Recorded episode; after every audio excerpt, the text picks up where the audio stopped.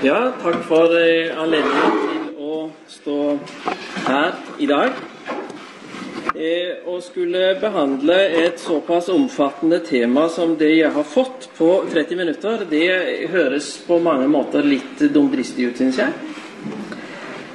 Eh, hvis vi skal forklare hva sannhet er for noe,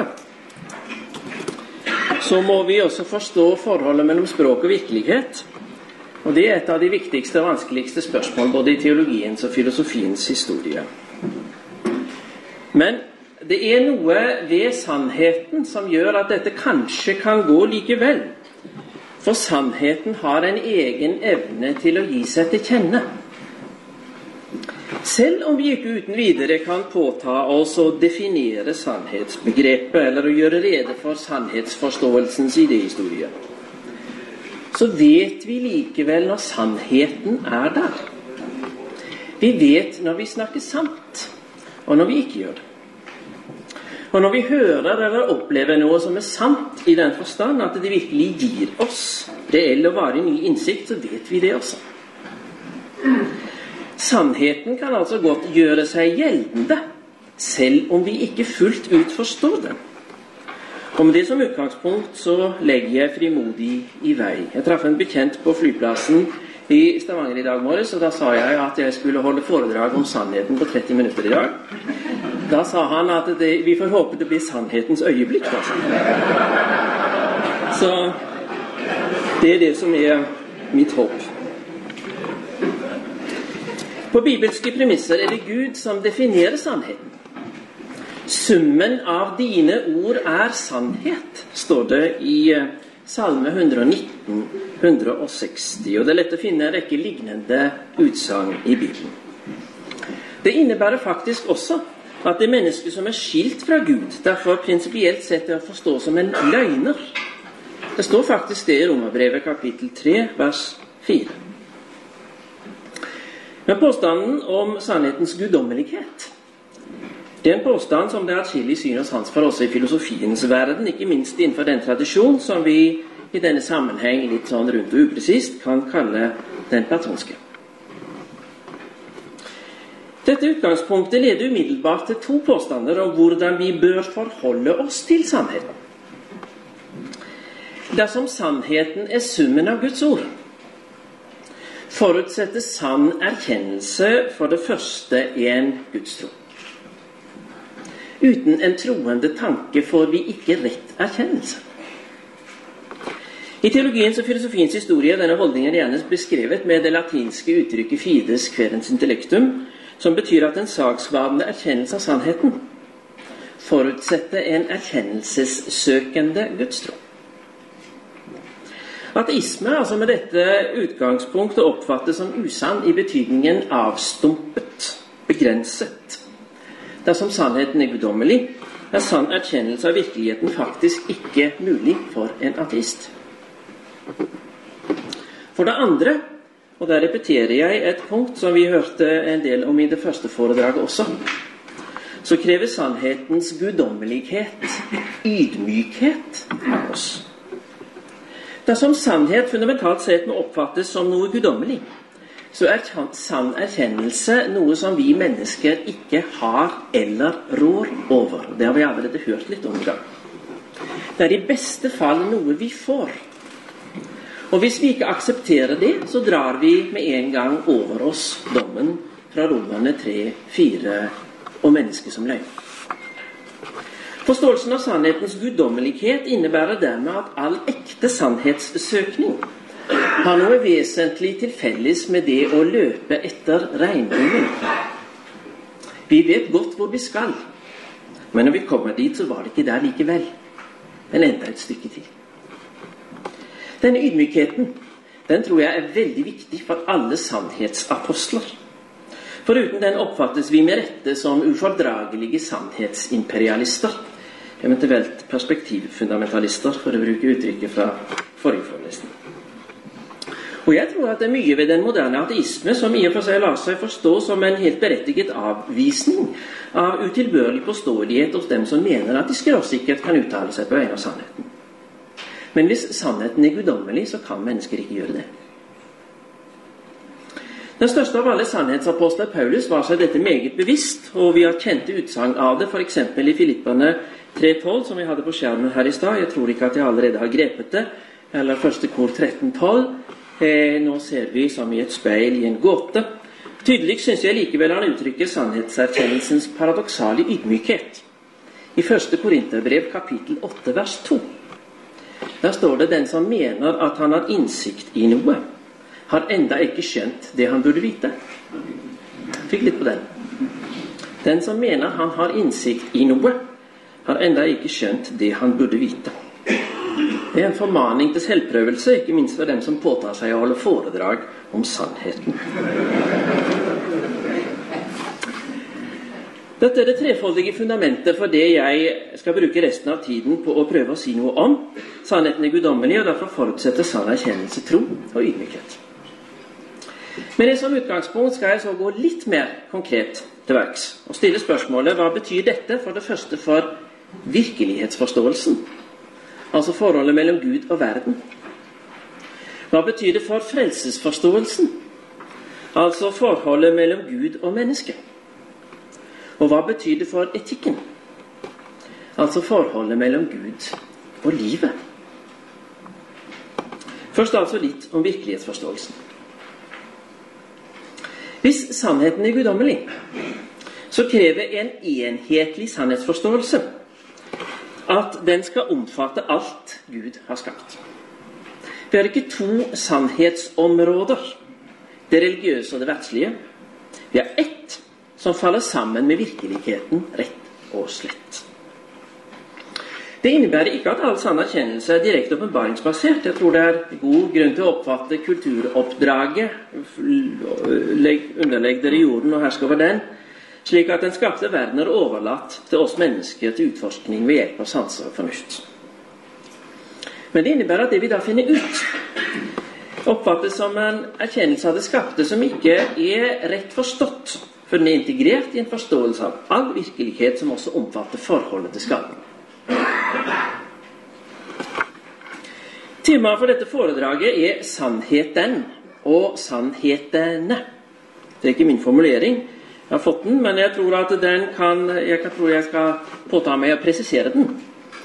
Nemlig til spørsmålet etter glidningen fra en enhetlig sannhetsforståelse til sannheten om det skapte ikke ble tenkt isolert fra forholdet til skaperen. Det er en delt sannhetserkjennelse hvor Gud og verden faller fra hverandre i atskilte erkjennelsesområder uten entydige forbindelseslinjer. I den kristne idéhistorie skjer det for første gang på 1300-tallet. Innen den skoleretning som interessant nok allerede da kalles for via moderna. Moderne vei. Og så for full kraft med modernitetens gjennombrudd fra opplysningstiden. Og Pavel gir denne delte virkelighetsforståelsen slett ikke ateistisk, den er ikke engang religionskritisk, men kun opptatt av å skille mellom guddommelig og verdslig for å gi det Gud det Gud skal ha, og verden det den skal ha. Men hvis ikke forholdet mellom Gud og verden settes med nødvendighet, oppfattes det som tilfeldig. Og da er det med iboende konsekvens verden som etter hvert fyller hele blikkfeltet. Og da blir Gud borte. Og det som kan begrunnes med sansing og fornuft, er alt vi sitter igjen med. Og så prøver vi da å gjenreise den religiøse dimensjons betydning i møte med modernitetens uttalte preferanse for det verdslige. Svært mange av de forsøkene på å gjenreise det religiøse lider imidlertid av den mangel at de fremdeles legger den delte sannhetsforståelsen til grunn. Dette er en utgangspunkt i det som kan entydig forklares ut fra sansing og fornuft, og prøve å begrunne gudstroens nødvendighet ut fra det. Med en høflig og nøytral betegnelse kaller vi det for forsøk på å bevise Guds eksistens. Med en litt mer kritisk betegnelse kaller vi det for God in the gaps. Teologi. Gud i hullene teologi. Som forsøker å finne et rom for Gud i det vi ikke, eventuelt enda ikke, kan forklare. Men med den moderne vitenskapelighets iboende tendens det ville forklare stadig mer, føre det til en form for ryggende forsvar for Gudstroens feste blir stadig mer avgrenset. Men i utgangspunktet som jeg legger til grunn her, så er det viktig å anlegge et kritisk perspektiv på God of the Gaps, apologetikken. Og ikke bare fordi det er en ryggende strategi. Vel så vesentlig er at det er en Gud som framstår som konklusjonen på en argumentasjon. Altså det er en Gud hvis eksistens lar seg påvise eller sannsynliggjøre av en eller annen grunn. Ikke er den Gud Bibelen kaller oss til å tro på. Den bibelske forståelse av sannhetens guddommelighet innebærer at enten er Gud all erkjennelses ene grunn, eller så er det ikke Bibelens Gud vi tror på. Av tanken om sannhetens guddommelighet følger derfor at all sann erkjennelse hviler i Gud. Og gjør vår erkjennelse og vår virkelighetsforståelse ikke det, så er den ikke sann.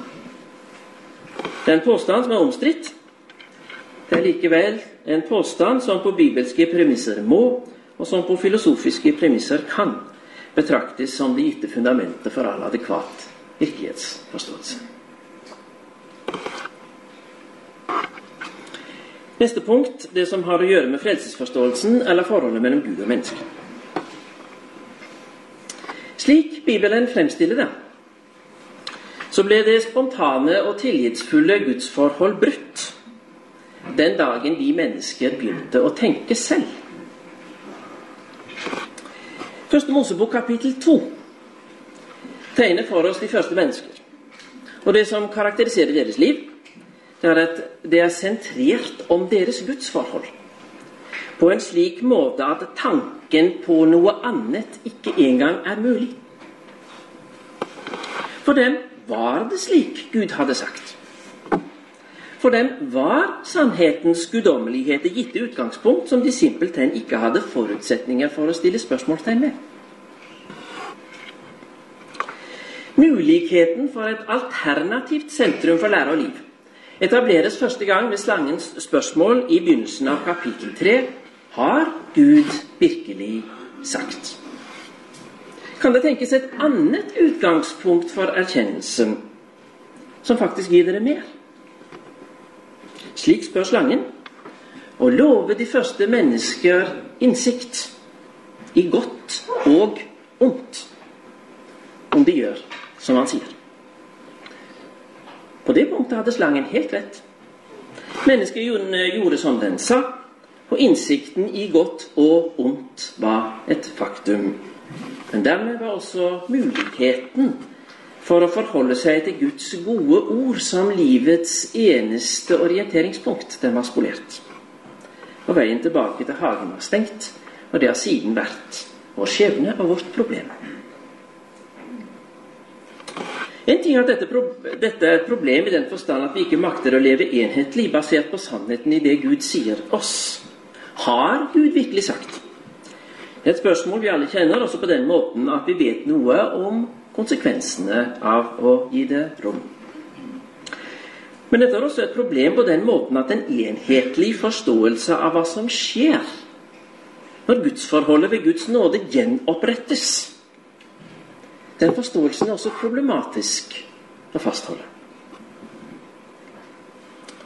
Gjenopprettelsen av den enhetlige sannhetsforståelse, altså troens tilblivelse, den framstiller Bibelen entydig som nyskapelse og gjenfødelse.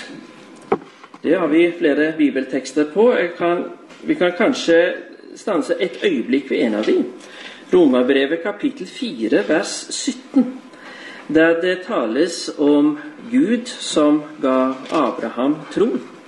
Og eh, det eh, kommenteres av Paulus på denne måten. I Guds øyne er han, altså Gud vår far, for han trodde ham, eh, Abraham, vår far, for han trodde ham, altså Gud, som gjør de døde levende, og byr, som, byr at det som ikke er, skal bli til. Det er det Gud gjør. Han byr det som ikke er, å bli til. Troens tilblivelse er skapelse av intet. Og slik må det også være. Vårt problem er tilværelsens splittethet. Vi makter ikke fastholde forståelsen av sannhetens enhetlighet og guddommelighet og forholder oss til mangt annet som om det var sant i seg selv. entydighetens gjenopprettelse kan da ikke bestå i noe annet enn at Gud selv bryter inn i våre liv og skaper noe som ikke var der før. På tross av vår evne til å holde fast på det gamle. Det innebærer at gudsforholdets gjenopprettelse det kan ikke forstås som et tilbud fra Guds side som vi fritt velgende forholder oss positivt eller negativt til. Sann gudstro har det til felles med all sannhet at den er ikke noe vi velger. Sann gudstro er noe vi får når det går opp for oss hva det er det egentlig dreier seg om. Vi kan ikke velge Gud mer enn vi kan velge tyngdekraften eller vinkelsummen i en trekant. Det dreier seg i alle tilfeller om sannhet som gis oss, og som oppretter eller gjenoppretter et sant forhold til virkeligheten der den slår ut. Vi kjenner noen av betingelsene for gudstroens tilblivelse. Kristen gudstro blir til ved forkynnelsen av evangeliet, og den overlever ikke sammen med en erkjent og vedholdende vilje til brudd med Guds bud. Men når det gjelder den fulle forståelse av hvordan troen blir til, så forblir vi løpende etter regnbuen, både for egen og andres del. Blant dem som møter den samme forkynnelse, reagerer noen med tro og noen med vantro. Og hvordan det gikk til at evangeliets forkynnelse ble til tro i mitt liv, det vet jeg egentlig ikke. Men slik må det også være for over sannheten rår Gud alene. Og vi kommer aldri lenger enn til den mottagende tro. Dette har konsekvenser som er ganske viktige for det praktiske arbeidet i menighet og forsamling. Sannhetens guddommelighet innebærer nemlig at vi aldri kan legge opp arbeidet på en slik måte at vi sikrer at mennesker kan komme til tro. For dette er så nært relatert til Guds egen virkelighet at det alltid vil være et moment av uforståelighet ved det mysterium som heter gudstroens tilblivelse og vekst. Det grunnleggende med den metode vi skal arbeide etter, det er likevel gitt oss sammen med gudstroen. Det dreier seg om evangelieforkynnelse og sakramentforvaltning. Og det står ikke til diskusjon enten resultatet er slik eller slik. Men der dette arbeidet bærer frukt og blir til tro, der ser vi med entydighet sporene av Guds egen virksomhet blant oss. Det kan vi faktisk si med sikkerhet. For sann gudstro blir aldri til på noen annen måte. Eller for igjen å gi ordet til Paulus ingen kan si Jesus er Herre uten i Den hellige ånd.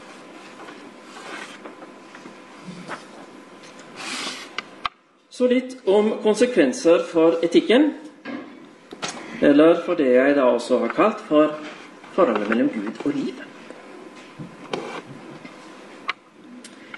Hvis sannheten er guddommelig, så er det Gud som er sentrum for erkjennelsen, både av verden og mennesket. Men dermed er han også eh, sentrum for forståelsen av livets konkrete utfoldelse i tjeneste og etterfølgelse. Det er ikke minst Augustin som med ettertrykk har understreket at det først er gjennom troens forhold til Gud at alt annet får sin rette mening. Slik at tingene i verden får egen Slik at eh, eh, vi kan bruke alt rett i kjærlighet.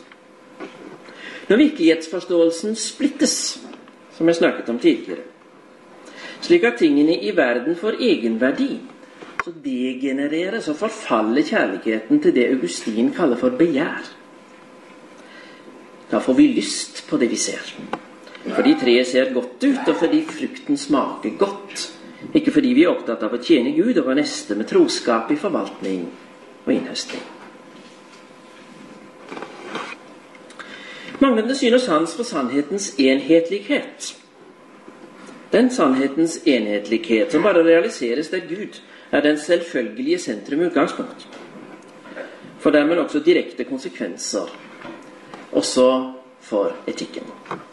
Jeg skal nøye meg med å peke på to, som imidlertid er nærmere relatert til hverandre enn det i utgangspunktet kan synes som. Når Gud og verden faller fra hverandre som urelaterte størrelser, ja, da har vi mennesker en inngrodd tilbøyelighet til å oppfatte det som en frihet til å bruke verden som vi selv vil. Det er derfor neppe tilfeldig at modernitetens isolering av Gud og verden i skilte områder i tid faller sammen med en teknologisk utnytting av verdens ressurser som er uten sidestykke. Inntil nylig så oppfattet vi det entydig som et framskritt. Nå vet vi bedre. Vi vet at rovdrift på naturens ressurser straffer seg. I form av forurensning, menneskeskapt klimaendring, utarming av det framtidens generasjoner skal leve av. Og Mange tar derfor nå til orde for å vende tilbake til en mer helhetlig virkelighetsforståelse som gjør at det skapte kan forvaltes innenfor og ikke i strid med de rammer skaperen har satt. Og Her burde vi som kristne ha atskillig å bidra med, for dette er faktisk troens hjertespråk. I mellomtiden har imidlertid tanken om det frigjorte og selvstendige menneskets uhindrede selvutfoldelse forflyttet seg til et annet område, nemlig det individualetiske. Det var en forflytning som i et historisk perspektiv ja, kanskje tok forbausende lang tid. Men nå er den over oss med full kraft. På samme måte som en forståelse av verden isolert fra dens plass og funksjon som Guds skaperverk har ført til at den ble overbelastet på en måte som vi først nå ser konsekvensene av, så fører en tilsvarende isolasjon av mennesket til at den individuelle valgfriheten nå dyrkes uhemmet. Konsekvensene av dette er også tydelige for alle som vil se. Det overleverte fokus på stabile fellesskap, primært knyttet til ekteskap og familie, er blitt erstattet av en ensidig vektlegging av den individuelle frihet, med de konsekvenser det har, i form av aborter, skilsmisser, splittede familier og likestilling mellom ekteskap og samkjønnede samlivsformer. På dette feltet er det imidlertid enda ikke så mange som vil se. Det tror jeg vil endre seg. Skadevirkningen av dette vil nok også på sikt være så åpenbare at vi før eller siden får en bred motbevegelse, slik miljøbevegelsen nå har fått allment gjennomslag for sine synspunkter. Men det tok 200 år fra den industrielle revolusjons begynnelse til erkjennelsen av dens skadevirkninger for alvor begynte å sige inn over oss. Hvis det tar like lang tid fra den seksuelle revolusjons begynnelse til dens skadevirkninger blir allment akseptert, så er det ingen av oss som er her i dag, som får oppleve det. Men at det tilhører det forvalteroppdrag jeg er betrodd å framholde det, det tror jeg ikke det kan være noen tvil om.